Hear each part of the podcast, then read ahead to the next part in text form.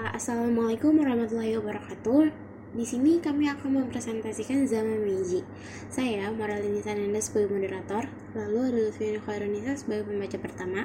Assalamualaikum warahmatullahi wabarakatuh. Nama saya Lutfiana Khairunisa sebagai pembaca pertama dari 11 IPS 2. Dan Muhammad Arham sebagai pembaca kedua. Saya Muhammad Arham Farizi dari kelas 11 IPS 2 sebagai pembaca kedua. Baik, materi pertama akan dibacakan oleh Saudara Lutfiani Khairunisa sebagai pembaca pertama. Silakan Saudara Lutfiani Khairunisa dipersilakan untuk baca. Hmm, baik, uh, saya akan menjelaskan materinya. Yang pertama itu ada restorasi Meiji Jepang, disebut juga sebagai Meiji Ishin, Revolusi Meiji, atau Pembaruan Meiji. Adalah serangkaian kejadian yang berpuncak pada pengembalian kekuasaan di Jepang kepada kaisar pada tahun 1868. Nah, restorasi ini menyebabkan revolusi pada struktur politik pemerintahan, ekonomi, sosial, dan budaya Jepang, dan berlanjut hingga zaman Edo. Nah, zaman Edo ini sering juga disebut dengan akhir keshogunan Tokugawa dan awal masa Meiji. Restorasi Meiji terjadi pada tahun 1866 sampai 1869, tiga tahun yang mencangkup akhir zaman Edo dan awal zaman Meiji. Restorasi ini diakibatkan oleh perjanjian Shimoda dan perjanjian Thousand Harris yang dilakukan oleh Komodor Matthew Calbright Perry dari Amerika Serikat. Oh ya, untuk perjanjian Shimoda dan perjanjian Thousand Harris itu akan dibacakan oleh pembaca kedua. Nah, masa Meiji pada tahun 1868 sampai 1912 merupakan salah satu periode yang paling istimewa dalam sejarah bangsa-bangsa yaitu di bawah pimpinan Kaisar Meiji. Jepang bergerak maju sehingga hanya dalam beberapa dasawarsa mencapai apa yang diinginkan. Hal yang dicapai tersebut adalah pembentukan suatu bangsa yang modern, yang memiliki perindustrian modern, lembaga-lembaga politik modern, dan pola masyarakat yang modern. Lalu, latar belakang zaman Meiji jadi latar belakang terjadinya restorasi Meiji adalah di saat kedatangan orang-orang barat yang memaksa Jepang untuk membuka negaranya dari politik isolasi, disebut juga dengan politik sakoku. Kenapa bangsa barat memaksa Jepang untuk membuka negaranya? Karena Jepang terletak di jalur perdagangan dunia. Nah, awalnya pihak Shogun Tokugawa menolak atas permintaan bangsa barat yang saat itu secara memaksa. Tapi, akhirnya Amerika yang datang pertama kali pada 1853 dengan membawa serta empat kapal hitamnya yang berlabuh di Uraga yang membawa surat pernyataan dari Presiden Amerika yang ingin melakukan perjanjian perdagangan.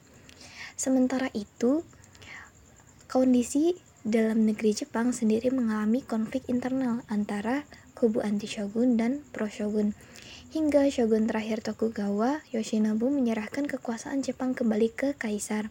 Namun sebelum shogun menyerahkan kekuasaannya, Kaisar Kome meninggal pada 3 Februari 1867 dan digantikan oleh Kaisar Mushoshito atau dikenal dengan Kaisar Meiji. Nah, karena Kaisar Mushoshito masih muda, maka dalam menjalankan pemerintahannya dibantu oleh keluarga Chosu yaitu Kido dan Ito. Keluarga Sotsuma, yaitu Saiko dan Okubo. Keluarga Hizen, yaitu Okuma, dan keluarga Tosa, Itagaki, dan Iwakura sebagai penasehat. Setelah Kaisar Meiji naik tahta, ibu kota Jepang dipindahkan dari Kyoto ke Yedo, yang digantikan menjadi Tokyo pada tanggal 26 November 1868. Nah, pada 6 April 1868, Meiji Tenno mengangkat sumpah setia di hadapan daimyo dan aristokrat, dan sumpah tersebut berisi empat asas. Asas yang pertama itu ada musyawarah. Semua peraturan negara akan ditetapkan dalam jalan musyawarah. Dalam hal ini, maka dibentuklah Dewan Nasional dan Dewan setempat. Yang kedua itu ada persatuan. Jadi, seluruh rakyat harus bersatu dan sependapat agar ketertiban dapat terpelihara dengan baik. Lalu, hak-hak masyarakat itu dijamin oleh negara. Tiga, ada keadilan.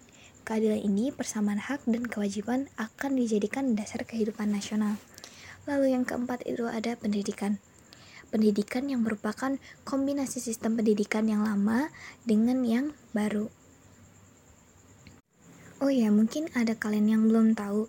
Jadi, uh, daimyo itu adalah orang-orang yang memiliki pengaruh besar di dalam suatu wilayah. Lalu, kalau shogun dalam istilah bahasa Jepang yang berarti jenderal. Nah, dalam konteks sejarah Jepang, kalau disebut pejabat shogun, maka yang dimaksud itu adalah Seii Tai Shogun, yang berarti panglima tertinggi pasukan ekspedisi melawan orang-orang yang um, kurang baik. Selanjutnya akan saya kembalikan kepada moderator.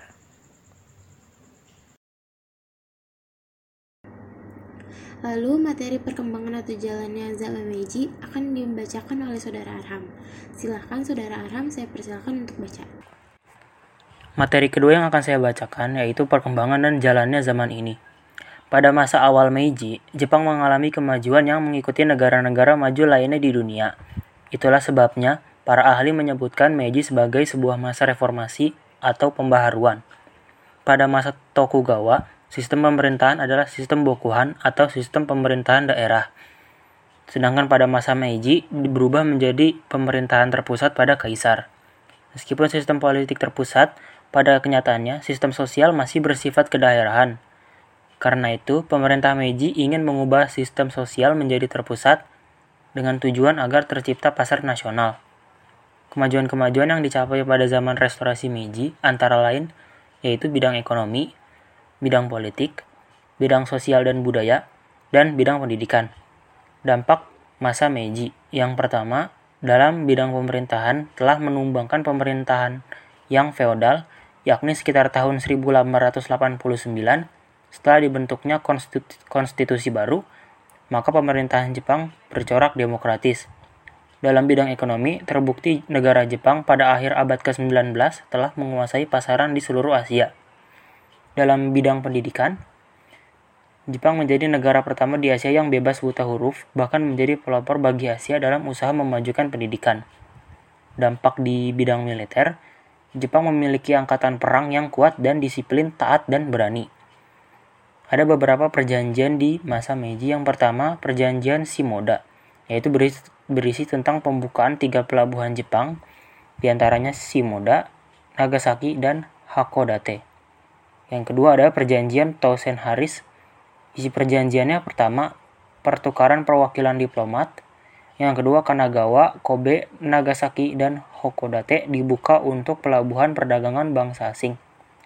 Yang ketiga, warga Amerika Serikat diperbolehkan tinggal dan berdagang di pelabuhan.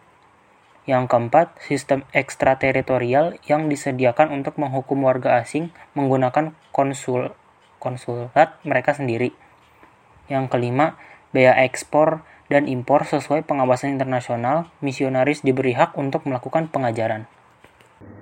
Baik, karena materi sudah cukup, saya akan memberikan kesimpulan dari materi tersebut.